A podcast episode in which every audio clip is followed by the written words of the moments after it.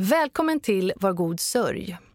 Manda och hennes gäster pratar om sorg, glädje och om hur livet ändå fortsätter. Kom ihåg att de är endast experter på sin egen sorg och förlust. Om du eller någon du känner mår dåligt, sök hjälp.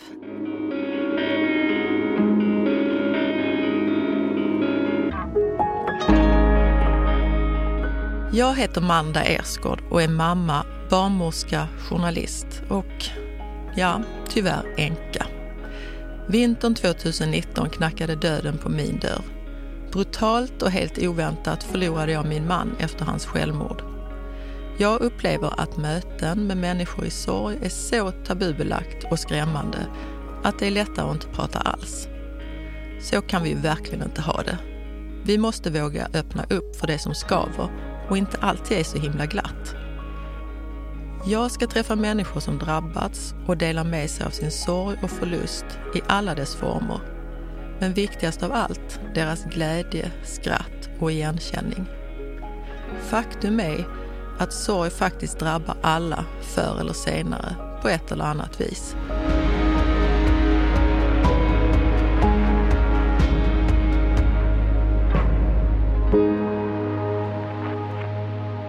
I oktober 2021 fick Sofias bror Daniel sin dödsdom. Efter ett vanligt hälsobesök fick han diagnosen pankreascancer och det visade sig att cancern hade spritt sig till magen. Läkaren trodde Daniel skulle överleva sex månader. Men med sin starka livsvilja och cellgifter fick han 15 månader till av livet. Daniel hade två mål som han ville hinna med före sin död. Sofias bröllop och sin egen 50-årsdag. Hör lilla syster Sofia berättelse om storbror Daniel som gick bort alldeles för tidigt. Hennes sorg och hur hon hanterar livet som fortsätter. Hej! Hej! Välkommen! Tack snälla! Hur mår du idag? Jag mår bra. Jag blev lite rörd av det du sa, men eh, ja, jag mår bra, tack. Mm. Det är bra. Det var din bror vi pratade om. Det var min bror vi pratade mm. om, ja. Vad hände? Berätta.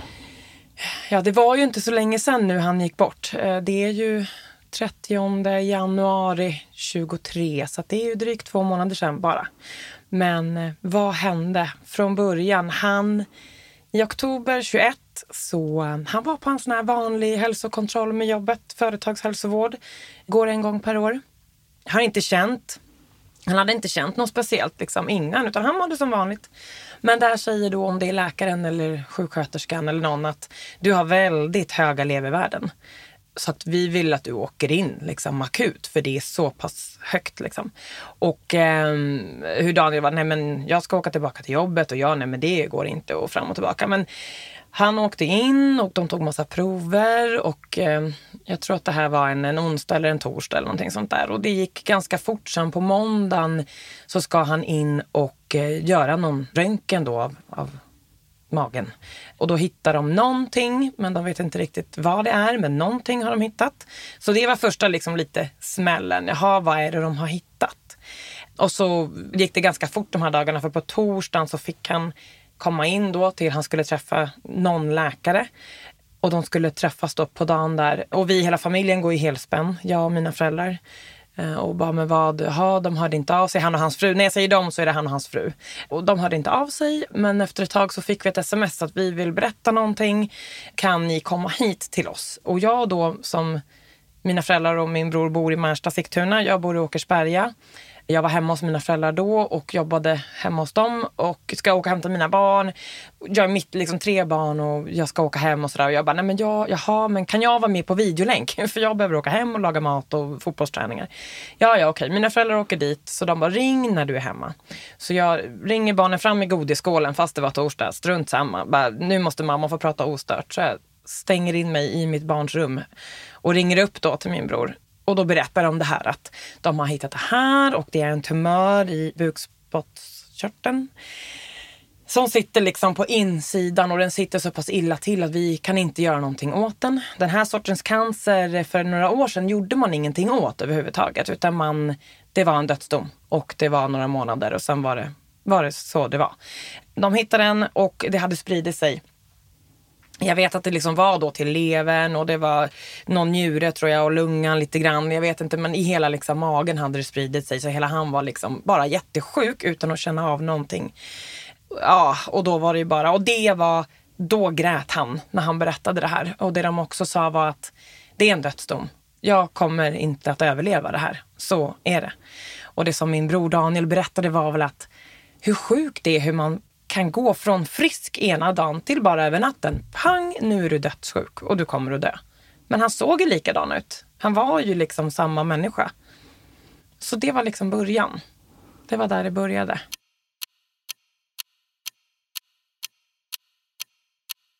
När vi pratade lite inför den här intervjun så berättade du att läkarna hade sagt att han skulle behandlas som palliativ vård. Ja, exakt. De sa det att det vi kan göra det är att ge dig cellgifter och då gör vi det i palliativt syfte. Mm. Att lindra, att ge kanske lite mera tid. Men du får välja om du vill det eller om du, för att det här är biverkningarna av cellgifter. Som de flesta vet, man mår skit av cellgifter. Eh, man bryter, det är ju gift liksom, det bryter ner hela kroppen. Du får välja det eller om du liksom vill leva du kan leva ganska bra kanske utan liksom de här biverkningarna av cellgifterna. Men ungefär ett halvår sa de då, om du inte väljer någon. Och där blev ju min bror bara att ge mig allt ni har. Alltså jag vill överleva så länge som möjligt. Jag vill uppleva så mycket som möjligt. Så ge mig allt ni har. Så ganska, det där var i oktober vi fick reda på det, så november. Jag tror att innan de liksom, för de opererade in något, jag vet inte vad det heter, någon portgrej här liksom på bröstet. Mm. Där alla cellgifter ska in, vad jag förstår. Så det gjorde de och sen så började de behandlingen i december. Och min storbror Daniel, han var en stor pojke. Han var 1,98 lång, stor man och eh, läkarna sa det att eh, vi kommer gå på med hästkuren för att du är stor. Så att vi ska mörsa allt vi kan. Så att det var ganska tufft för honom från början där när han fick från att gå och vara frisk till att bli sjuk ganska fort. För att cellgifterna gjorde ju honom jättedålig. Och jag vet först han hade, fick ligga inne liksom flera timmar och få de här cellgifterna. Två olika på sjukhuset och sen en tredje som han fick i pumpform som han sen skulle ha hemma i. Om det var 48 timmar och sen kom ASI och tog bort den liksom efter. Och just den där pumpen, han berättade hur han låg i soffan och han kände när det pumpade in för då bara brann det liksom i hela kroppen. Så det är starka grejer man får. Så. Ja, för jag tänker också när man får ett, hela familjen får ju ett besked. Det är ju mm. också en folksjukdom som är en anhörig sjukdom. Mm. Och alla ni får höra att det här är palliativ vård och palliativ vård har man ju i livets slutskede. Ja. Och då tänker man här, en gammal person kanske. Eller? Precis. Alltså du satt ju Eh, mm. Inte ens, liksom, du kunde inte ta i honom Nej. då när du fick höra det här. Hur kändes det? Ja, det var ju inte så kul. Det är en sån här grej som jag efteråt bara förbannar. Att jag så här, fasiken, hur kunde jag vara så dum? Det var väl bara att åka dit. Ungarna fick väl missa sin fotbollsträning och allt vad det var. Liksom. Utan varför åkte jag inte bara dit och höll honom i handen när han berättade det här? Men eh, ja, så det kändes ju inte så kul. Men någonstans är det sådär, ja, ska vi gå runt och ångra saker? Eh, det kan jag känna överlag nu när han inte finns här längre. Att, men gud, ja, varför träffades vi inte mer? Varför gjorde vi inte det här? Och varför? Men ja, livet på något vis. Ja, så det här är livet. Men du, och då hade han tackat ja till de här cellgifterna. Mm. Och behandlades han hemma eller på sjukhus? Han behandlades på sjukhus nu kommer jag inte ihåg, jag har för mig att det var de första turerna där så var det väl så här, var, om det var varannan vecka eller var tredje vecka. Det har varit massa olika bud. Det finns ju olika sorters cellgifter som man kan ge på olika sorters liksom vis. Att nu testar vi den här tillsammans med den här. Och hans läkare där tyckte jag var liksom, det kändes som att de var så uppfinningsrika. Det var så här, men funkar inte det här, då testar vi det. Så han fick på sjukhus, låg inne några timmar och så fick han liksom åka hem. Och jag var faktiskt med en gång. Han frågade mig sådär att ja, men det finns ju när man kan få så här, ta ut anhörigdagar eller vad det närstående penning tror jag som man får söka från Försäkringskassan. För de tog ju hans fru då sådär, hon följde med honom och var med under. Men så sa han det att det är även en, en annan anhörig som kan få ta ut dem. Så att vill du följa med på en sån här cellgiftsbehandling? Så det gjorde jag och det var på Danderyd, har jag för mig, ja det var det. Och roligt vet jag inte om det är rätt ord, men det var så liksom lite mysigt. Han kände ju den där personalen och man blir ju som kompis med dem. Det var ju samma personal när han kom. Hej Daniel, jag, jaha, har du lilla syran med dig? Okej, okay, Och vi fick kaffe och kakor och bara. Han låg där och blev pumpad med gift och jag satt och pratade på som vanligt. Som jag alltid gör. Och vi skrattade. Och... Sitter man i ett eget rum? Eller? Ja, det här var inte det. Det finns att man kan liksom få eget rum. Den här gången var det inte det, utan då ligger man som på en stor öppen sal och i mitten är det liksom som en receptionsdisk kan man säga, en rund receptionsdisk. Och sen så var det sängar runt om med bara sådana här skynken emellan. Så att eh, då satt vi där och, och liksom hade de här skynkena. Men ja, det gick bra. Vad pratar ni om? När ja. ni allt annat än cancer och död. Just då, det här var, det var våren, eh, nu 22 då, så för ett år sedan ungefär. Och då, eh, jag skulle gifta mig på sommaren. Så vi pratade mycket om det och mycket om min kommande möhippa och alltså sådana där roliga grejer. Och vi pratade om, om allt möjligt. Om, min pappa har varit väldigt sjuk också. Så vi pratade mycket om det och hans återhämtning och lite sådär. Men vi försökte att inte prata så mycket om tråkiga saker utan kroppen vet och sinnet vet att vi är på sjukhus. Min bror är jättesjuk, han ska dö. Han ligger här och får gift in i kroppen. Det vet man. Då behöver vi inte prata om det just nu, utan nu pratar vi bara om roliga grejer. Vi var nog ganska bra på det.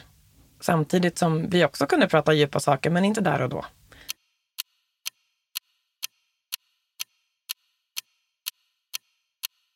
Hur var han som eh, människa, bror, innan sjukdomen är det samma liksom, kille vi pratar alltså, om? Jag har tänkt på det där lite grann och det var verkligen det. Det var liksom ingen skillnad. Han eh, kunde ligga och ha jätteont och ändå liksom, min bror var väldigt varm. Han hade väldigt nära till skratt. Han var en riktig retsticka. Det är tio år mellan oss och jag är lilla syster. Så nog kunde jag retas också. Absolut. Jag var också en retsticka. Men han var den alltid. Han skrattade mycket och ofta. Vi hade samma sorts humor.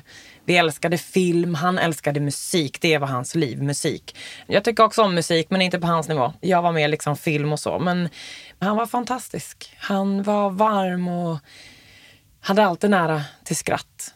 Så, tog hand om människor. Och Daniel är en sån, för det tycker jag många av hans vänner har sagt nu när vi under begravningen och när vi hade den här minnesstunden och det att eller minnesmingel som vi kallade det, för vi drack kava och åt snittar på inget tråkigt begravningskaffe, utan vi drack kava och firade hans liv. Och många av hans vänner sa att gud, de djupaste samtalen jag haft i livet har jag haft med Daniel. För han var, så, han var inte heller rädd för att beröra och nämna det där som kanske var jobbet, som andra har svårt att prata om.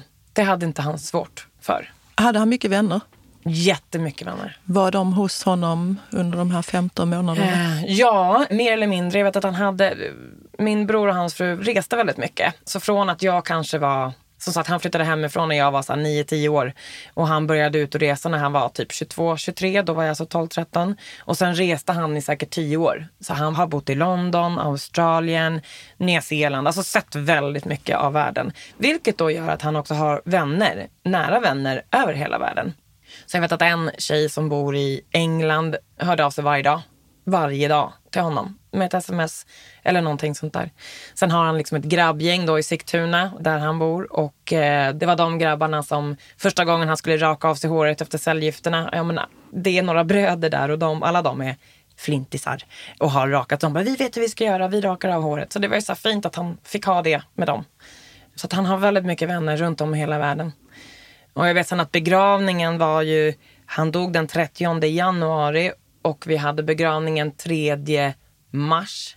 Och det är ju lite drygt en månad men det var ju för att folk skulle hinna flyga in liksom från jordens alla hörn. Och det var fullsatt kyrka den 3 mars.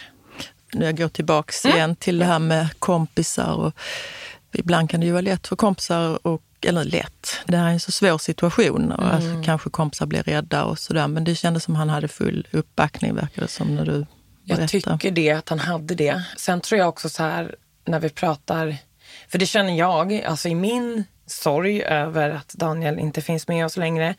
Det kommer folk från oväntade håll och hör av sig. Medan vissa som man kanske är halvnära inte hörde av sig direkt. Det där är det ju med sorgen är, folk vet inte riktigt kanske hur man ska bete sig eller göra och jag vet inte heller. Alltså det är svårt. Hur hanterar man någon som är i djup sorg? Jag tror att det har man varit med om som några av min brors närmsta vänner vet jag att de förlorade, just de här syskonen jag pratade om, de förlorade sin pappa för inte så länge sedan. Och då var Daniel ett stort stöd för dem och hans fru. Så att jag tror att har man varit med om något speciellt, kanske då något sånt hemskt som att förlora en förälder eller någon närstående, så har man liksom mer förståelse och kan kanske vara närmare det. Det är vad jag tror. Sen vet jag ju såklart inte, men jag tror det. Mm, det tror jag också. Ja. Nu glömde jag bort vad du sa, förlåt. För du ja. sa att han vårdades på sjukhus, men han var hemma. Nej, just det, han var, hem, han var ju hemma också så att ni kunde komma hem ja, men till precis. honom. Och hur var det där då? För då kom du dit mm. ganska ofta. Pratade han om att han var rädd för... för jag vet att ni hade ju liksom livliga diskussioner och skrattade nära ja. varandra, men ibland måste du ändå dyka ner till att snart finns Pre jag inte här med. Precis, ja. Det var ju så att Daniel var ju, han fick ju de här cellgifterna där i december, januari. Då var han ganska dålig. Han fick någon blodförgiftning där på nyårsafton, alltså då till året 22. Så fick han en blodförgiftning. Och då höll han ju på att stryka med av den. För då låg han inne i, oh, jag vet inte, men många, alltså två, tre veckor kanske han låg inne på sjukhus. Så då var jag där och hälsade på honom och så på sjukhuset. Då var han ju riktigt illa. Men sen så repade han sig efter det där och de fick bukt på det här med cellgifterna och det blev ju så att cellgifterna tog ju bort allt det här som hade spridit sig. Till slut hade han bara själva huvudtumören kvar. Vilket gjorde att våren, eller i alla fall sommaren 22, blev jätte jättebra för honom. Och det här är från mig sett, liksom, vad jag såg och vad jag tyckte så tyckte jag att han fick en jättefin sommar. Han och hans fru Noomi var liksom, åkte iväg inom Sverige men åkte på olika, både på hotell och gjorde massa roliga grejer och åkte och hälsade på släktingar som vi har i, nere i Skåne och sådär. Så att de gjorde mycket grejer tillsammans och vi gjorde också saker tillsammans och träffades. Och det blev liksom en fin sommar och jag gifte mig den 20 augusti och då var han inte bara med på bröllopet utan han fick faktiskt också må bra. Han mådde bra. Vi hade sånt här tre dagars eh, bröllop och det blev jättebra. Verkligen. Så att han kom ut redan på fredagen och vi badade i någon pool där. Vi som var där, vi var väl ungefär 20 stycken. Badade i pool, åt middag och hela lördagen gick åt till förberedelser.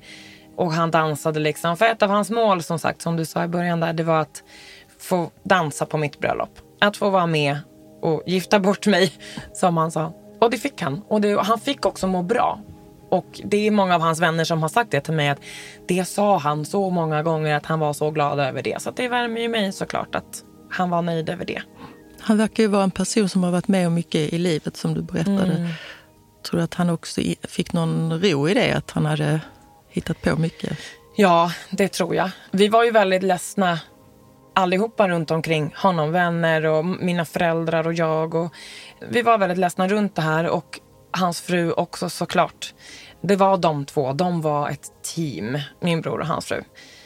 Hon och jag pratade väldigt mycket. Jo men du pratade om det, om vi dök ner i det här mörka. Helt ärligt så gjorde jag och min bror inte det jättemånga gånger. Men jag och hans fru pratade mycket om det. Så vi hade varandra i det. För att han var så glad och hela hans alltså han var så stark i det här. Att okej, okay, jag är sjuk, men ganska snabbt så var det bara okej, okay, ja men då är det så. Nu ska jag göra det mesta av den här tiden jag har kvar. Och han var glad och positiv och vi har ju sagt att det var ju han som lyfte oss. Han var ledsen när han berättade det för oss, att han hade fått den här cancern. Och sen en gång till vet jag upplevde jag att han var riktigt ledsen. Och så sa jag till hans fru för inte så länge sedan att han måste ju ha brutit ihop hemma. När det bara var ni två hemma måste ju han liksom bara ha tyckt att det var skit. För det kan man få tycka. Och hon sa det, nej, det var de två gångerna. Sen var han stark. Alltså han var, det var inget... Så det var han som liksom tröstade oss andra och sa att jag har haft ett bra liv. Jag har fått leva i nästan 50 år. Och jag har rest och jag har upplevt kärlek. och jag har jättegoda vänner, jag har en fantastiskt fin familj. Och jag har ju tre barn då som han har. Han är gudfar till mitt mellanbarn. Så de två hade en jättefin relation. Hon har inte riktigt någon relation till sin pappa. Så att hon har en då fin relation till sin morbror. Så att det blev ju då, det har varit tufft för henne. Hon är 12. Mm, hur tror du att hon, det är ju svårt för dig att veta hur hon mm. känner innerst inne men Hur känner hon det? Ja, jag tror att nu, barn lever ju också väldigt här, här och nu. Så att nu är det det här som är. Så när han gick bort, och jag vet att jag kommer berätta om det också där, när han gick bort, men när han väl gick bort och jag skulle berätta det för henne så vet jag att jag var jätte nervös. Alltså jag tyckte det var så jobbigt att berätta just för henne att han hade gått bort. Och så hon hoppade in i bilen, hon har varit i skolan, hoppade in i bilen. Jag tänker jag måste berätta det här direkt för att hon, det här var samma dag han hade gått bort. Och hon vet att han var väldigt sjuk för då låg han inne på sjukhus. Så hon vet ju att det var ganska, vi hade ju pratat om det mycket, att det kan vara nära nu, det kan gå flera veckor, vi vet inte så. Och hon hoppar in i bilen och jag säger bara att jag måste berätta en grej för dig. Jaha okej, okay. ja men Daniel dog idag. Idag dog han. Hennes första reaktion var Åh nej, blev Noomi jätteledsen? Alltså hans fru. Det var hans första, eller hennes första liksom, reaktion. Och sen så, ja men nu åker vi. Oh, Okej, okay. då var det ju bara att starta bilen och åka. Jag, vet, jag satt och sneglade på henne hela vägen från då Märsta där hon går i skolan till Åkersberga där vi bor. Och jag satt och sneglade på henne och tänkte, nej men gud, när, kommer det? Alltså det måste komma snart. När har det? Men hon satt där med sin Snapchat och tog bilder och ja men det var precis som vanligt. Sen gick det och jag sa till min man också att nu vi måste liksom vara något skyddsnät här för att hon kommer och snart kommer det. Och det gick några timmar, sen på kvällen så då kom det. Då var det som att trycka på en knapp och då bara skrek hon rakt ut att jag vill träffa Daniel och så bara brast det. Hur fick du meddelandet att han hade gått bort? Han hade ett uppehåll i sina cellgifter över jul. Så då mådde han ganska okej, okay, eller vad man ska säga. Och sen så i början av januari så skulle han få ny cellgiftsbehandling, en ny sort. För då hade det börjat sprida sig igen, hade man sett på sista röntgen. Han körde ju en cellgiftsperiod och sen röntgade de. Och sen så såg de hur det hade gått och sen så körde de en ny cellgift och så röntgade de och så höll de på sådär. Och nu då, som han hade då haft röntgen i början på december, så då skulle man då utvärdera. Ja men okej, det har börjat sprida sig lite nu, men vi kör de här cellgifterna. Så då i januari där så fick han cellgifter. Det började med att han fick första och den han inte mer än pumpas in. Så fick han som något, jag kommer inte ihåg hur det var nu, men om han började må väldigt dåligt eller om han fick, det var någon han började skaka, det var någonting. Så de avbröt. Men började igen då, han fick dricka lite vatten och vila lite och sen så började de igen då, alltså samma dag, samma, bara någon timme senare. Så fullföljde de de här och han hade sin fru med sig och de skulle åka hem sen. Och i bilen, och jag vet inte nu om han ramlade ihop eller om han... Men det händer någonting i alla fall där i bilen. De hinner inte mer än starta bilen på parkeringen på Danderyd om jag inte säger fel. Det kan vara KS också, för han var på båda ställena nämligen. Och så tappar han talet. Alltså han får inte fram orden. Så någon ringer in till avdelningen och säger att men, det händer något. När han, får liksom, han kan inte prata och han får nog anfall. Typ. Då sa hon det, men gå in på akuten det kanske är någonting. Då trodde de ju först att han hade fått en stroke eller en tia eller något sånt. Så han blev kvar där och utvärderade det och då så till slut kom de väl fram till att eh, nej men det här är, det är biverkningar av cellgifterna antagligen. Det är kroppens sätt att liksom säga ifrån lite grann. De sa typ så bara att det var biverkningar. Så han fick väl åka hem där efter ett tag. Det här var i början då på januari. Men sen gick det ganska snabbt. Hans mage svullnade upp jättemycket så att han nästan såg gravid ut. Vätskefylld buk. Liksom. Och han åt inte. Han fick liksom inte ner någonting. Det var som att det tog stopp här vid bröstkorgen. Så de började prata om förstoppning och vad det kunde vara och försökte med det. Och han, han var ju hemma under den här perioden och han hade ASIH som hjälp. De var väl inte som en hemtjänst som var där liksom flera gånger utan de kom när de ringdes på så att säga. Liksom, och, och, och tog prover innan varje cellgiftsbehandling och så. Men eh, de kom i alla fall och hjälpte honom att tömma den här magen så att de tömde på vätska. Han, det var också där han åkte in. Jag kommer inte ihåg alla turer nu men han åkte in och ut. Vi pratar liksom under en veckas period. För att han var, då hade han ont. Och vi pratade inte så mycket han och jag. Hans fru har varit fantastisk under hela den här perioden. För att hon är medicinsk sekreterare och väldigt bra med ord och skriva och förklara. Så att vi har en familjegruppchatt. Så att då har hon liksom skrivit rapporter. Att nu händer det här, nu är det här, nu är vi på sjukhuset, nu säger de det här, nu gör vi det här. Så att även om man inte har varit där fysiskt så har jag och mina föräldrar fått liksom vara, mina föräldrar har ju varit där mer än vad jag har varit fysiskt, men vi har fått liksom vara med, man har varit med och jag har kunnat då rapportera i min tur till mina vänner som är oroliga och nyfikna och vill veta liksom vad händer så har jag kunnat liksom, ja men det är det här och nu är det det här värdet här och sådär. Ville de vara lite för sig själva tror du då, hans fru? Och... Alltså jag vet inte riktigt. Vi har pratat lite om det där. För hon har väl sagt så också. Jag ska inte säga vad någon annan tycker och tänker och, och så. Men de har varit en enhet. Och de har varit liksom de två så himla mycket. Vilket har varit så jättefint. Jag ska inte säga att jag kände mig utanför för att de släppte in oss verkligen och jag vet att jag var lite sådär att men gud vågar man komma och vill, man vill inte störa, man vill inte liksom, de är i sin bubbla och man vill inte. Men till slut så vet jag att de, och det var så skönt när både min bror och Noomi verkligen sa det rakt ut att Våran dörr är öppen. Kom när, när du vill. Kom hit bara. Det är liksom inga problem. Du är inte i vägen. Vi vill vara med dig. Du, kom hit och sitt liksom. Så det blev ju att jag gjorde det också. Jag vet någon dag innan jul där så fick jag skulle till vårdcentralen ta några prover. Och jag själv mådde inte så bra. Alltså psykiskt typ. Alltså det var jobbigt. Det, det var mycket runt omkring. Inte bara Daniel utan det är en massa andra grejer i livet också. Och jag åkte hem till dem, tror jag två dagar före julafton och satt i deras soffa och grät. Och tyckte att livet bara var pest. Och det kan man efteråt säga, varför gjorde du det? Din bror höll på att dö i cancer. Ja, men... Och jag vet att Noomi sa då, även min bror, att det var så skönt att du kom dit och bara...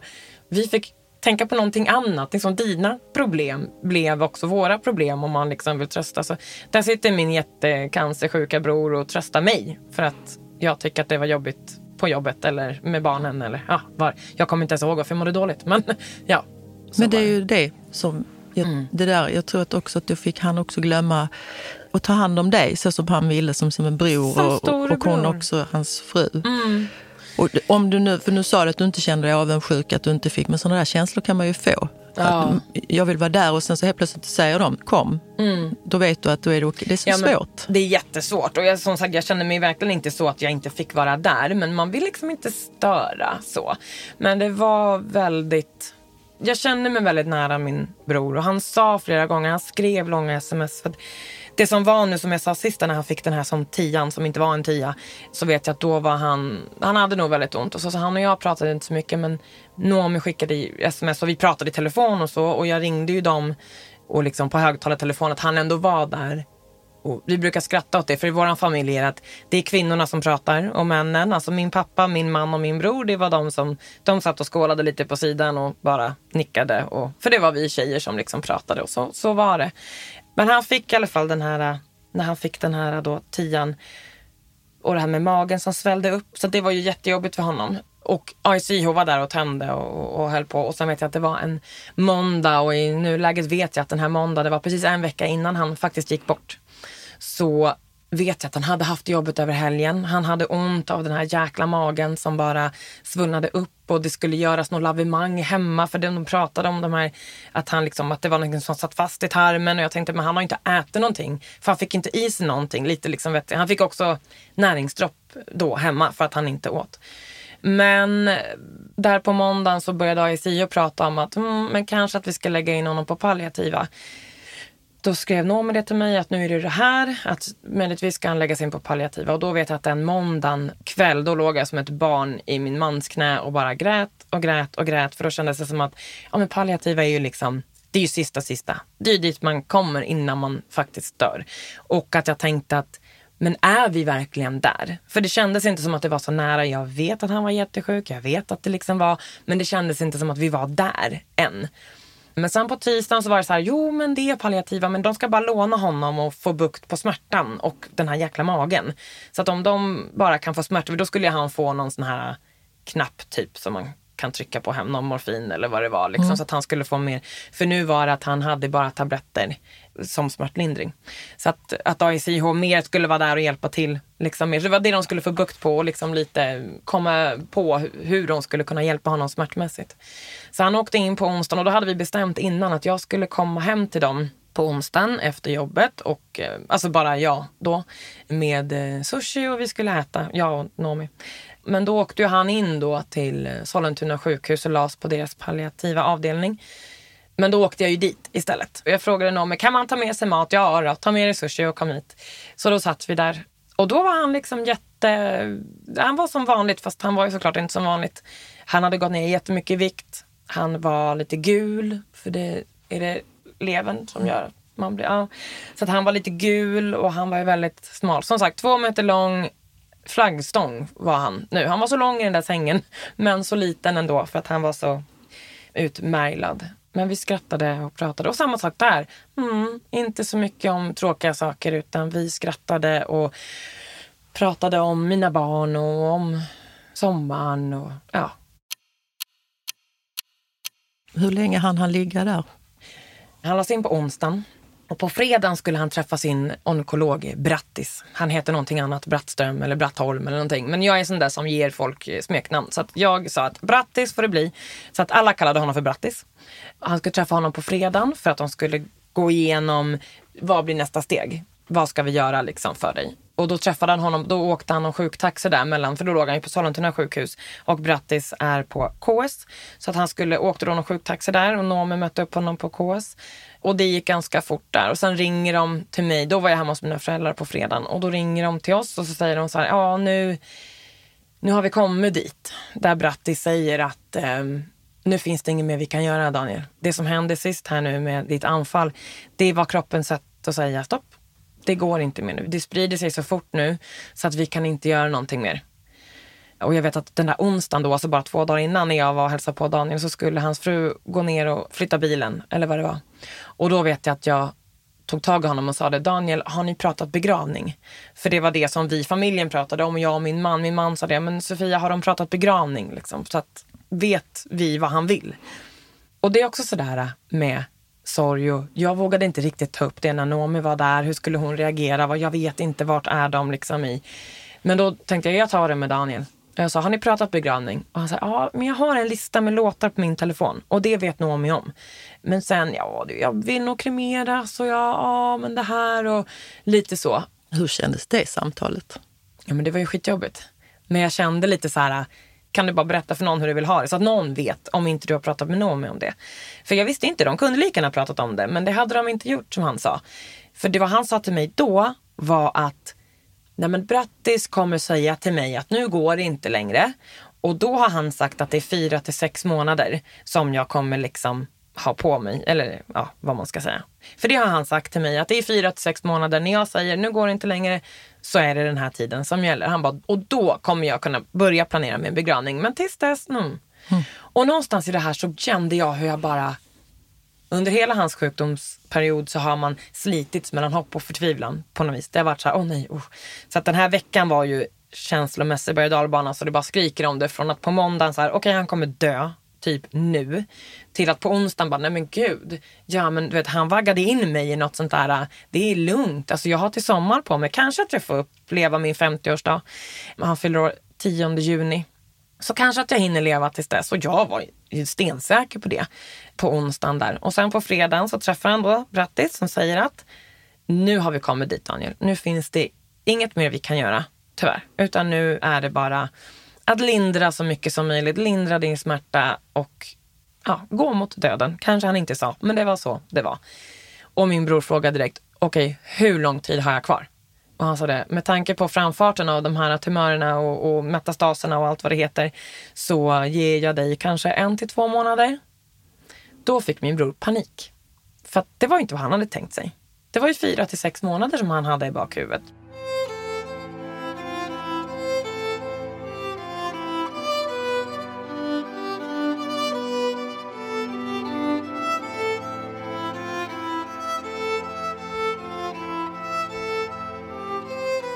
Var det nästan första gången han reagerade och han hade ju gråtit två gånger. Ja men precis, att andra gången han grät det kom ju nu då när han ringde till mig och mamma och pappa, vi var då tillsammans och sa att okej okay, men nu sa läkaren det här. Nu går det inte att göra något mer. Nu kan de inte hjälpa mig mer med cellgifter.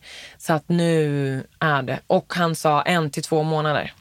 Och då blev ju, mina föräldrar bröt ihop. Och jag gör ju också, men man är ändå så att man liksom, ah, okej, okay, ja men då ska vi göra det bästa av den här tiden och då ska vi, man försöker vara den här checka och liksom lite, ja ah, men det går bra.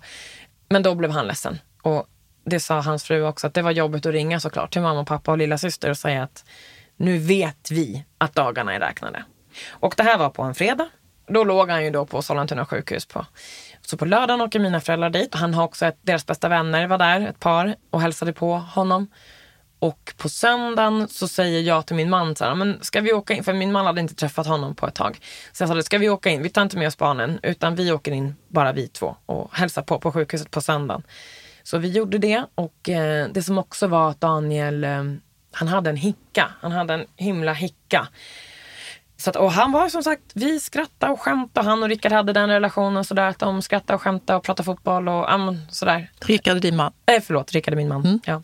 Så de väldigt fotbollsintresserade, AIK-are båda två. Och som även min pappa, så det var deras grej. Han var liksom som vanligt inom situationstecken för att han var ju också väldigt sjuk och väldigt utmärglad, gul. Han hade den här hickan som jag pratade om vilket alltid slutade med att han kräktes och det var ju liksom kolsvart det här som kom ut. Vi var där liksom och upplevde det och sådär. Men det var inget och han, du vet, ah, förlåt, förlåt, förlåt, okej. Okay. Och han skulle hålla upp någonting sådär. Jag bara, men herregud, alltså du behöver inte säga förlåt. Du är sjuk och vi är här för dig liksom. Och jag, du vet, man ser hans fötter och man ville vara nära och man ville ta på. Och jag vet också att när jag kom dit, både på onsdagen och på söndagen, det här är ju liksom samma vecka, så vet jag att det, eh, vi är en kramfamilj, vi älskar att kramas. Så att jag kramade honom och så är man lite rädd så här för den här sköra lilla människan. Men han alltid björnkrams-Danne liksom, tog alltid i. Och då, på onsdagen vet jag, då drog han ner mig i sängen så att jag liksom knappt kom upp. Och även då på söndagen när vi var där. Och när vi gick därifrån på söndagen så bara fick jag en sån här, jag vet inte vad jag ska kalla det för, men när vi gick, jag hade kramat honom, men så när vi skulle gå ut och ah, men hej då, vink vink, så bara kände jag nej, jag måste krama honom en gång till. Så jag gick tillbaka och kramade, och då satt han upp på sängen och jag kramade honom jättehårt och han kramade tillbaka jättehårt och jag sa, jag älskar dig, sa jag. Och även om, det säger inte vi så ofta till varandra, man vet att man tycker om varandra, man älskar varandra, man är familj. Men vi sa det inte så ofta. Men sen då hans sjukdom så både skrev vi det på sms och sa det. Men då sa det, jag älskar dig, så jag kramade om honom. Och då sa han bara, I love you too, skit ner dig, gå härifrån, vi ses sen. Och så, och så vinkade vi. Och så okej, okay, hej då, vi går. Och det här var på söndagen. Och sen på kvällen där han har spelat handboll också, Daniel. Så det var handbolls-EM, VM någonting. Så Sverige skulle spela bronsmatch. Så jag vet att han såg den och då var hans fru där också. Och hon sov ju där på sjukhuset med honom. Och de hade också en, vän, en jättenära vän där som de har rest med och så. Som, hon råkade vara där, lite så. Men hon är väldigt nära dem. Hon är också en sporttjej. Så de satt och kollade på den här handbollsmatchen. Och sen gick han på toa han kunde gå? Och... Han, det var det som var så sjukt. Han kunde gå. Ja, ja, ja. Han gick på toa själv och det var inte så. Så han gick på toaletten. Och så tog det så lång tid så att Jenny och Naomi satt väl och pratade där. Så tog det så lång tid och de tyckte, men vad tog han vägen? Och då satt han på toa. Det här har jag fått berättat för mig så det här har jag inte. Men att då var han liksom lite sådär borta på något vis. Alltså han hade fått något smärtstillande och lugnande också för att han hade ju den här hickan. Så att han hade fått lugnande för att liksom försöka få bort den här hickan som var så jobbig. Och det var väl typ då han lite försvann. Där och då på toaletten efter den här handbollsmatchen. Men de hjälper honom tillbaka till sängen och han, så gick det väl några timmar där. Sen ringer ju Noomi till min mamma för att hon frågar på personalen där. För han blev liksom dålig. Han var inte med i matchen riktigt. Liksom. De fick inte riktigt kontakt med honom. Och han kräktes ju det här fortfarande men nu hade han ju så mycket lugnande i kroppen att de var tvungna att vrida honom lite på sidan för att han inte liksom så och personalen där säger, ja men ring hellre för min mamma vill ju gärna, hon hade sagt till honom, den dagen vi kommer dit när det liksom är nära att han ska gå bort så hör gärna av dig till mig, jag vill gärna vara där. Så då ringde hon till min mamma och sa, och det här var mitt i natten mot måndagen. Och det lustigaste var att mitt mellanbarn då hon sov hos mina föräldrar. Så att de ringer till mina föräldrar och de ska åka in till sjukhuset. Och, så att mamma ringer mig mitt i natten och bara, nu är det det här och Daniel det här och vad och hur ska vi göra med Emilia? Men min pappa är logistiker och sådär, nej men då gör vi så här. Han bara, jag kör in dig till Sollentuna sjukhus, alltså min mamma, till Sollentuna sjukhus och sen åker jag hem till Emilia som sover. De väckte ju henne och sa, vi ska åka, jag kommer tillbaka. Så det var lugnt. Det första jag tänkte när jag hörde det var så här, varför ska inte han vara med? Jaha, han kanske inte ville vara där när Daniel gick bort. Inte vet jag, men man är ju olika liksom som personer. Men det min pappa tänkte var att nej nu måste vi tänka logiskt här. Att nu om mamma åker in, ja men sen byter vi av på morgonen. För då kan mamma och Nomi åka hem och sova och så kommer då jag och min pappa och kanske min man in då. Och så byts vi av så får vi ha liksom lite sånt. Så att det alltid är någon hos Daniel. För det var det vi trodde att nu kommer vi behöva vaka vid hans sida. Ja, för ingen vill ju tänka att det här var sista. Nej, såklart Nej. inte. Och där på natten så säger min man Rickard till mig att ah, men vi åker in imorgon bitti. Det Rickard också hade sagt till mig när vi åkte därifrån sjukhuset var att efter att Daniel då hade kräkts där svarta och det så sa Rickard att Sofia nu måste du, vi pratar inte en, två månader. Alltså vi pratar några veckor max. Han är så sjuk. Det här är inte bra. Bara så att du måste hålla i dig nu. Nu måste förbereda oss på det här att han kommer gå bort snart. Och man är väl lite i det där förnekelse liksom att man, jag bara ja, ja, nej, men du vet, ja, ja. Mm. Och sen då när de ringde på natten och sen så på måndag då så sa min man det att men vi du kan nog bara höra av dig till din chef och säga att du inte kommer imorgon till jobbet för att vi behöver åka in. Och jag var ju mer såhär, nej men ja, men du vet, var han som han var igår, varför ska vi sitta där allihopa? Nej men så. Jag älskar min bror och jag ville vara nära honom, men det var ändå så här, jag såg aldrig att det var så nära att det var. Men i alla fall sagt och gjort, vi åkte in på morgonen. Vi körde barnet till skola. Jag och Rickard åkte in med min pappa också då där på morgonen. Och jag sitter och pratar med en kompis i, i telefon och jag säger att ah, men nu är det det här och det här. Jag bara, jag vet inte vad jag kommer att möta när jag kommer in nu. Antingen så är han liksom i att han ligger som i koma. Eller vad man ska kalla det för, att han lever men att han är borta. Eller så är det som det var igår, då han liksom satt upp och skrattade och pratade och så. Jag bara, då åker jag in och så tar jag en kaffe och sen åker jag och jobbar. Liksom. Jag bara, jag kan inte vara borta från jobbet hur mycket som helst och jag, jag måste åka och jobba.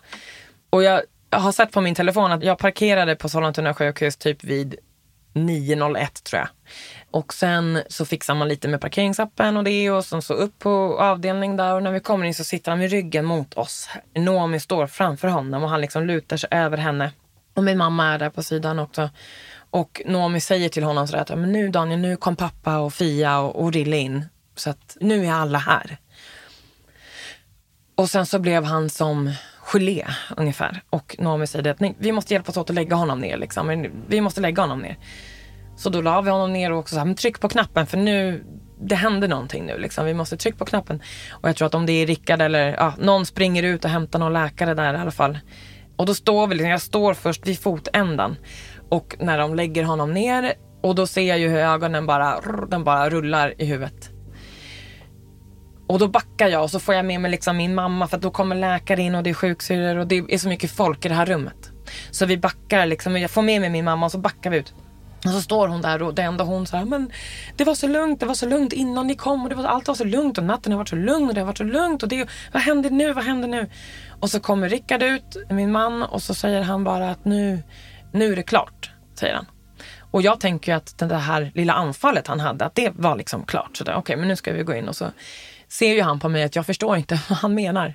Så att han tar tag i mig och så här, men Sofia, han har ingen puls nu. Han gick bort nu nu finns han inte mer.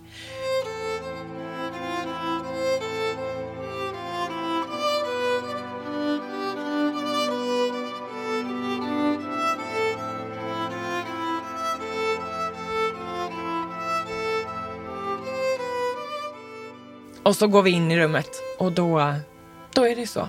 Och då är klockan ja, 9.23 eller något sånt där, 24, jag vet inte.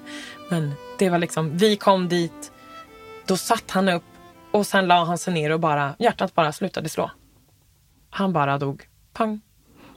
Hur så. känns det nu när du berättar det? Oh, jag blir lite så... Det är lite ledsamt. Men samtidigt så är det fint. Jag är så glad att vi hann in. Och man vill ju gärna tro, jag vet att flera har sagt, ja men han väntade på er, han väntade på familjen. Det har man ju hört flera sådana historier om. Och eh, jag mår bra i att tänka att det faktiskt var så. Han väntade på mig och pappa och och Rickard. Men, men han väntade på oss och sen och jag vet att det var hans önskan också. Nu kan man ju tycka att 15 månader cancer inte är att man dör fort. Men hans önskan var sådär att när det väl är dags då vill jag bara pang bom dö. Jag vill inte ligga liksom och ha ont eller eh, att ni ska sitta där vid min sida och klappa på mig och jag inte är där men att jag är en kropp. Utan jag vill att det ska gå fort. Och eh, där fick han ju som han ville för det gick så fruktansvärt fort. Och till och med sjukhuspersonalen sa det att gud, vi såg inte det där riktigt komma. Vad hände? Och det tyckte vi också. Så även då om man visste, han hade varit sjuk så länge, vi hade ändå fått de här fantastiska månaderna ihop och hela den här härliga sommaren. Man är ju aldrig riktigt eh, beredd ändå. Liksom. Jag tycker 15 månader för mig låter inte det alls länge. Nej. När Nej. man liksom går och väntar så som du. Mm. Ja men det är ju det, det har ju varit en väntan. Som hans fru säger att hon har ju varit i dödens väntrum i liksom 15 månader. För vi har bara gått och väntat på döden. Så är det ju. Mm. Runt hela den här perioden så verkar ni ha hållit ihop så himla mm. bra, hela familjen. Men jag, mm. jag tänker på dig som syster. Mm. Och som du nämnde en gång när vi hade lite kontakt, på, mm. vi skrev, just det här att du är syster och så har han en fru och så är det föräldrarna mm. och så är det dina barn, din man. Alla är liksom i sorg. Och du verkar ju vara en person som tar hand om alla mm. lite. Om du nu får tänka så här rent egoistiskt, kom din sorg lite i kläm? Från början tror jag att den kanske gjorde det så och inte för att på något vis slå mig själv på bröstet eller så. Men jag hittade liksom inte riktigt min plats i och det var liksom innan han kanske gick bort så. Att, ja men okej, för det är faktiskt men mest synd om. Det är så fult ord att säga för det är inte mest synd om någon utan det är liksom en jäkla skitsituation alltihopa. Men hans fru då som faktiskt blir ensam. Det är hon som går där i sorgen hemma, som ser hans tandborste i tandborstmuggen och hans skor i hallen. Det är hon som måste ta hand om allting alltså ekonomiskt och allt sådär. Så det är ju jävligt synd om han när hon blir ensam. De har ju alltid varit två, de har alltid varit ett team. Det är jäkligt skitsynd om mina föräldrar som behöver begrava ett barn. För så ska det liksom inte vara. Så någonstans var det så att jag hittade liksom inte riktigt mig själv eller min sorg i det där först. Jag, vet, jag sa det till flera av mina vänner att ja, men det är inte synd om mig egentligen. Jag satt och grät hemma hos en kompis vid hennes köksbord och sa att gud, här sitter jag och gråter. Det är inte synd om mig egentligen. Alltså jag har min familj, jag har mina barn, mina fantastiska barn och min fantastiska man och jag har det ganska bra. Det är okej. Okay. Jag kommer vara okej. Okay. Jag kommer ta mig igenom det här ganska bra, tror jag. Men det är värre för mina föräldrar och det är värre för hans fru. Så att det var det tyckte jag var jobbigt till en början. För jag visste inte riktigt vart ska jag. Och inte att jag var utanför men att man liksom inte riktigt visste. Och som du säger, så att hand om. Ja, när vi fick den här dödsdomen då var det bara åh gud vi måste göra det här och vi måste göra det här och ta hand om. Man ska ta hand om hans fru. Vi måste ta hand om honom och mina föräldrar och hur. Så att ja, det var lite kaos där liksom till en början. Men som med det mesta lär man ju så leva med det. Så det var mest i början där. Och sen så var han ju liksom okej. Nästan 22, hela 22 nästan var. Jag ska inte säga att jag glömde bort att han var sjuk, men nästan. Alltså att man liksom går i det där.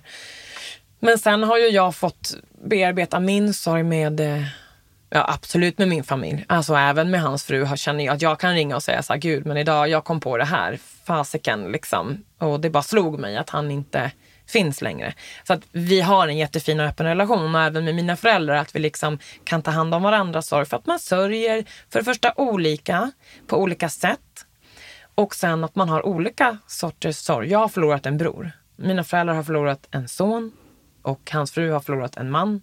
Mina barn sin morbror. Alltså det blir...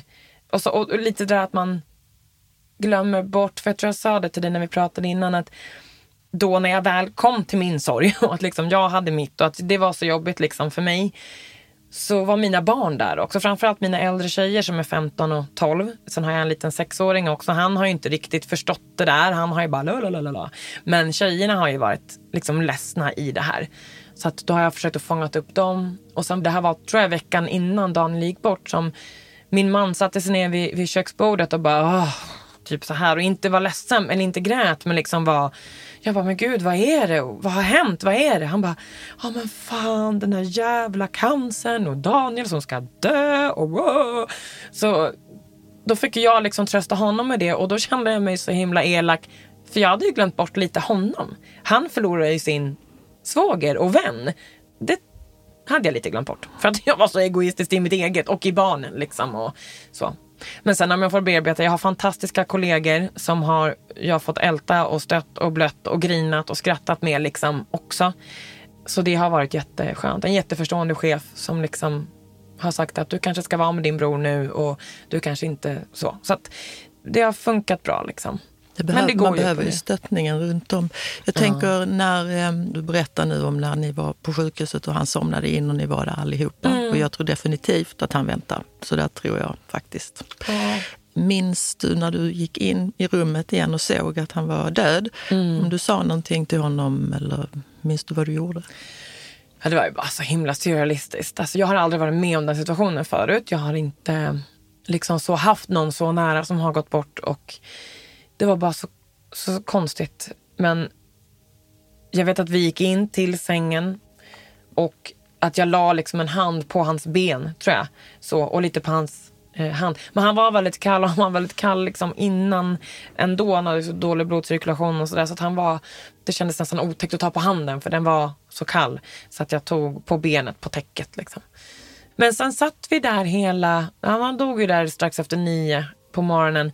Och då var vi där allihopa och satt där och du vet, skickade bullpåsarna över hans ben och någon hämtade kaffe och någon hämtade någon macka och Noomi hade inte ätit och mamma hade inte ätit och vi var tvungna liksom att fixa och sådär. Men då var vi där och han låg ju i rummet emellan oss liksom och, vi, och då skrattade vi lite faktiskt. Det kan man ju inte tro, men vi skrattade lite och vi grät mycket pratade lite om minnen och direkt blir man ju sådär att man, jaha begravning, okej, okay. och det här och så här praktiskt liksom och hur ska vi göra nu och nu och det här.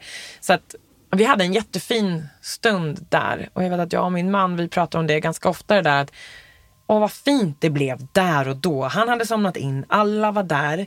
Jag är jätteglad att Rickard var med. Han hade lika gärna också kunnat bara åka till jobbet och liksom blivit, utan nu fick han också. Och det är ju något så här i livet, att man är med om så mycket som liksom formar en och som delaren. Så jag tyckte det var jättefint att vi var alla, alla där tillsammans. Ja, det minnet har ni ju allt för evigt. Alltid, alltid kvar.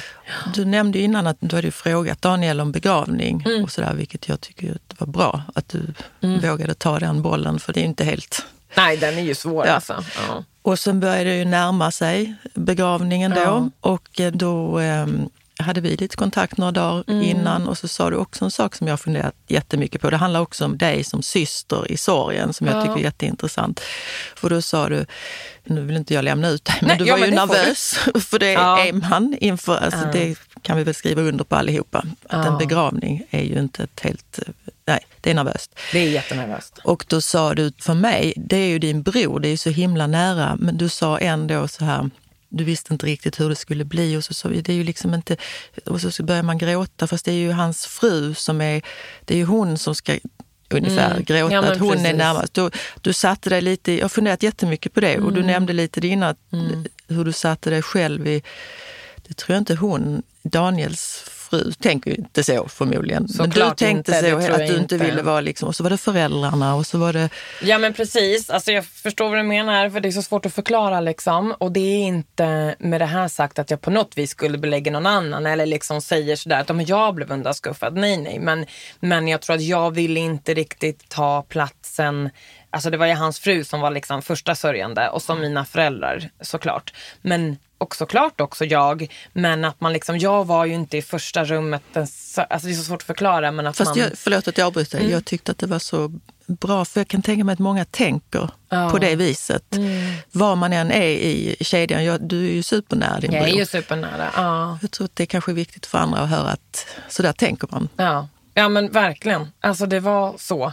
Och jag vet att många, då på begravningen så satt de mina föräldrar och hans fru längst fram och jag satt då med min man och mina två av mina barn, för den minsta valde vi att inte ha med.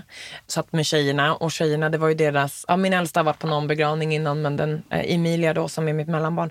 Vi satt då på, på liksom andra raden ändå nära. Jag vet också när folk hade gått runt kistan och skulle går ju liksom alla förbi då, mina föräldrar och Noomi. Och det var ju många som inte visste vem jag var, tror jag. Ens, alltså du vet så barndomskompisar till honom, att de inte kanske har sett mig i vuxen skepnad. Så, och jag menar absolut inte att man behöver stanna och på något vis krama om mig. Många gjorde det, för många vet ju vem jag är och jag satt ju liksom längst ut så att många tog ju mig också och kramade. Men det var många som bara gick förbi och det var det som också blev så. Och det gör ju absolut ingenting såklart. Det var ganska skönt att inte heller, det är ju jättejobbigt att folk ska komma och vara ledsna, vilket alla var. För det vet jag att jag sa innan också, att jag var så nervös. Och jag tror också att Daniel var ju min enda bror. Vi var väldigt nära. Vi umgicks inte varje dag. Det gjorde vi inte. Vi bodde en liten bit ifrån varandra. Han i Sigtuna, jag i Åkersberga. Jag har mina tre barn. Alltså man levde lite olika liv. Men såklart så fanns vi alltid där för varandra. Och man liksom så, så att vi var väldigt nära. Men för det första i hans sjukdom, men sen också när han gick bort, att sorgen var ju så närvarande, men jag levde inte i den. Om du förstår vad jag menar. Det var inte att jag, jag gick och jobbade och mina barn var tvungna att få mat och jag var fru och det var det och det skulle städas och gå på middagar och det var fotbollsträningar. Och det bara rullar på. Livet fortsätter som man så fint säger, men det var verkligen så. Och för mig verkligen så att när vi liksom skulle träffa begravningsbyrån, då var det som att jag liksom drogs in i den här sorgen igen som man hade skärmat sig lite ifrån. För att hemma hos oss Så vi levde inte i sorgen hela tiden. Det var inte att vi satt hemma och var ledsna. Och inte heller att man liksom skuffade undan den. Ville barnen fråga någonting, prata någonting så var vi väldigt öppna med det och pratade om det. Men det var inte, alltså man gasade på ändå i sitt vardagsliv.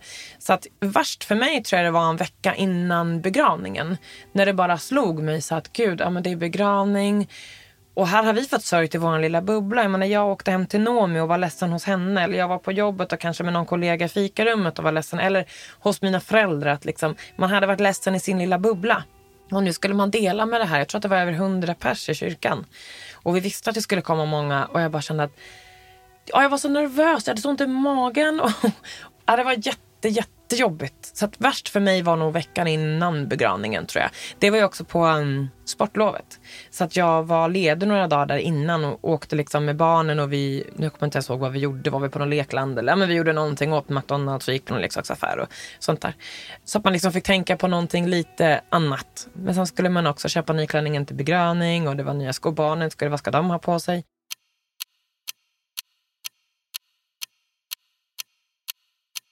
Ibland tänker man tankar som inte kanske egentligen nu som du säger. Ologiska. nej, men lite så, ja, men vad, kan det vara lite så fly också? Att, ja, oh, ja, det tror jag absolut. Jag har märkt nu efter då att min bror varit väldigt sjuk och även min pappa var också sjuk, väldigt sjuk i det här. Jag målar fan på väggen direkt och liksom tänker det absolut värsta. Alltså begravningen var jag bara såhär, gud jag kommer typ ligga på golvet och hyperventilera och de kommer behöva ringa ambulans och jag kommer inte, alltså vet, typ så. Att jag bara var rädd att jag inte skulle typ kunna stå på benen. För att jag, jag är en väldigt känslomänniska också. Jag har väldigt nära till skratt. Jag skrattar gärna och ofta hela tiden. Skämtar men också gråter. Jättenära till gråt. Jag gråter när jag är ledsen, när jag är glad, när jag är nervös. Så att jag tänkte att gud, och det här är ju liksom den värsta av sorger kanske när en liksom väldigt nära anhörig går bort. Men det gick bra på begravningen och jag låg inte på golvet utan jag klarade att sitta upp hela begravningen. Så att det gick bra. Nej, det är konstigt med begravningar. Det ger en sån känsla som man inte är beredd på. Man vet inte riktigt hur Nej. man ska... Nej, men det är väl det att man inte vet hur man liksom ska reagera. Alltså ledsen blir man ju. Det är också okej okay. och musiken var så fin, den hade ju han valt. Så det gick liksom bra. Det gick bra. Vi är ju väldigt nära i familjen och det var ju det jag tror att vi liksom stöttade verkligen varandra i det här. Och sen alla andra fantastiska människor runt omkring. Så. Och jag var du vet, lite nervös också för barnen. Hur ska de reagera? Barn och begravningar är ju, ja men man vet ju inte liksom. Man är ju vuxen själv med sina egna tankar och känslor. Sen har du kanske en 12-åring och en 15-åring. Hur ska de... Så, men när vi hade gått runt kistan, eller vi, vi gick upp familjen tillsammans och ställde oss runt kistan och la handen på blommor och så. Då fick hon en sån att hon inte kunde andas. Så då tog min man henne och så sa hon, vi går ut och andas lite. Men sen kom de tillbaka då och såg när alla andra gick runt. Så, så att det, de tog ett litet break. Är det tolvåringen som är Gud? Ja, barn? precis. Hur pratar ni med barnen, du och Rickard, nu? Ja men alltså vi pratar ganska mycket om det. Vi pratar nog mer om Daniel nu än vad vi liksom någonsin eh, har gjort. Och inte på något så här krystat sätt att det bara, åh nu ska vi prata om honom för att vi måste komma ihåg honom och sådär. Utan man liksom pratar. Emilia hade dopdag här för du vet, jag kan inte datumet, men min bror kunde datumet. Och varje år så skrev han ett sms till henne att liksom idag är det din dopdag och jag kommer ihåg det här bla bla. Jättefint. Och vi är inte troende eller religiösa på något vis, men för honom var det väldigt viktigt. Och varje år, grattis på dopdagen älskade Emilia, typ så skrev han. Och hon eh, kunde visa mig då så här att, ja men titta, och här Daniel har skickat sms. Och den dagen då när det var den här dopdagen så pratade vi om det då. Och vi kollade igenom gamla sms på hennes telefon och de hade liksom en jättefin relation. Så att det var, hon har inte varit ledsen så mycket mer efter begravningen egentligen utan mest att vi liksom minns och pratar och skrattar åt hur tokig han var och vad tokiga grejer han kunde säga och så. Vad minns du mest med din bror? Vad saknar du mest? Jag saknar mest hans eh, kramar, och hans liksom, han var väldigt ärlig. Det var ingen skitsnack med min bror. Han var väldigt ärlig. Jag har levt ett liv som han kanske inte alltid tyckte var helt i stil med vad han skulle ha valt i sitt liv. Och det kunde han gärna tala om för mig. Någonstans kan jag sakna det. Det var en period i vårt liv då vi inte hade så nära kontakt för att vi tyckte olika om livsvalen.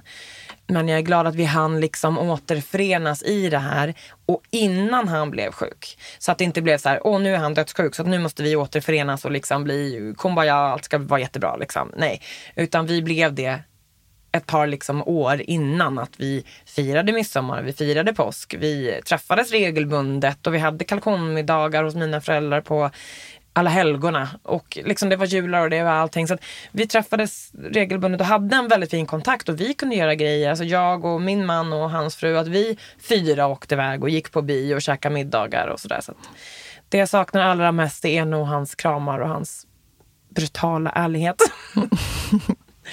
Faktiskt. Du har pratat om att eh, vänner och så där verkar ha bemött er väldigt väl under den här tiden. Hur var det med vården? För du var ju också med när han fick cellgifter. så. Var det någonting som du kände hur var det bemötandet? Tyckte du att det var bra? Var det behagligt? Eller var det ja, man hör ju väldigt mycket skräckhistorier tycker jag från eh, sjukvården. Och det finns säkert i det här fallet också. Frågar du hans fru kanske det finns något skräckexempel. Men de gånger jag var med och mötte vården och det jag fick höra dem berätta av liksom hemsjukvården och onkologer och läkare och allt vad tusan de heter så har det bara blivit jättebra. Jag tycker att de har varit jätte, jättebra. Och det jag har träffat. Och när han var på palliativa avdelningen där på Sollentuna sjukhus, det var jättefint. Jag vet också att de pratade om, han lades ju in på onsdagen och han dog på måndagen och de pratade om att ja, men efter helgen så ska ni få något sånt där anhörigsamtal som man tydligen får när en nära anhörig ligger på en sån avdelning. Och det vet jag och tänkte när jag åkte in där på måndagen att okej, okay, men om han är okej okay, inom situationstecken nu, så kanske nu är vi allihopa samlade. Då kan vi ha det här anhörigsamtalet nu på måndagen när vi ändå liksom är där. Men då gick han ju som sagt bort. Men då sa de på sjukhuset att vill ni får ni gärna komma hit en annan dag, alltså komma tillbaka hit och ha det här anhörigsamtalet med om det var en kurator och hans behandlande läkare då. Och det valde vi faktiskt att få ha. Och det hade vi kanske om det var ett par veckor efter att han gick bort, så åkte vi liksom dit allihopa och satt och pratade med dem i över två timmar och bara vad hände, vad det här och bla bla bla. Och hit. Alltså få älta liksom lite det. Och jag tycker det var så himla fantastiskt av de här vårdpersonalen att ta sig den tiden, att sitta med oss. Och jag tror det kändes och de sa det och jag tror att det faktiskt var så att de uppskattade det också. De sa att det var jättefint att ni kom hit och att vi liksom kunde få ha det här liksom. Det blev som ett avslut. För de har ju också lärt känna det. Daniel. Ja. Och jag menar, han låg där inne bara några dagar och den här läkaren kunde säga, men gud ja, Daniel berättade om det här och om sitt jobb och han jobbade med sjöfrakt och jag lärde mig det här och han berättade Var det Brattis eller? Vad sa du? Var det Brattis? Nej, det var inte Brattis. Jag har faktiskt inte träffat Brattis och det är jag lite ledsen för. Det kanske ska ringa han och fråga, ska vi ta en dejt? uh, för han är den enda jag inte har träffat av hans. Men uh, ja, men de här läkarna var, de jag träffade var fantastiska. Du verkar vara, eller är ju en glad kvinna mm. som också använder humorn mycket. Ja. När du kommer i de här liksom allra svartaste Mm. Blir det så för dig någon gång? Det behöver ju inte bli så. Men att Jo men så blir det såklart. Man är ju med om grejer i livet som formar en och som så. Och jag har varit med om eh, liksom, ganska mycket tråkiga grejer ändå. Så jag tror att det är min, mitt försvar och lite så här strutsbeteende kanske. Att skratta när det är som allra jobbigast. Att skratta, att jag kan sitta i timmar på Instagram och bara kolla på roliga videos och skicka klipp till mina kompisar och tycka att det är jätteroligt. Men självklart, när jag hamnar i det här allra svartaste, mörkaste, ja, hur tar man sig ur det? Och jag tror att för mig, alltså det är barnen såklart och min familj och att man liksom vill och sen att jag lite så här, jag vill inte må dåligt. Alltså ingen vill må dåligt, tror jag. Och att man, jag hatar det där svarta hålet. Jag tycker att det är jättejobbigt. Men eh, ibland trillar man ju dit i alla fall, vare sig man vill eller inte. Men jag är inte där så länge, utan jag försöker att liksom, jag har väldigt många jag kan prata med. Som jag nästan tvingar mig på. Jag och min mamma har en jättenära relation. Jag har väldigt mycket vänner, eller väldigt mycket, men jag har några väldigt nära som jag vet att jag kan ringa dygnet runt. Och de kan ringa mig. Men jag tror det är att prata, prata, prata, prata, prata. Och det är det jag gör. Och jag ältar och jag pratar och jag... Så jag har ju inte gått hos en psykolog en enda gång i hela mitt liv tror jag. För att jag... Eh, och det kanske man skulle behöva. Ibland. Men du pratar mycket med Daniels fru, ni ja, relation? Ja, det gör jag. Vi ja. pratar jättemycket. Pratar, pratar, pratar. Hon är likadan som mig där. Att vi pratar och vi skrattar och vi gråter och vi liksom ältar.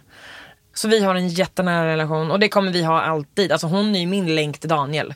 Och lite för hennes tror jag också. Hon sa till oss liksom att men hon är ju närmast Daniel när hon är med också familjen. Liksom. Vi är ju Daniel också på något mm. vis. Det ska ni behålla. Mm, mm. Det ska vi behålla. Tack så jättemycket för att du kom hit och berättade din historia. Tack snälla Amanda för att jag fick komma hit.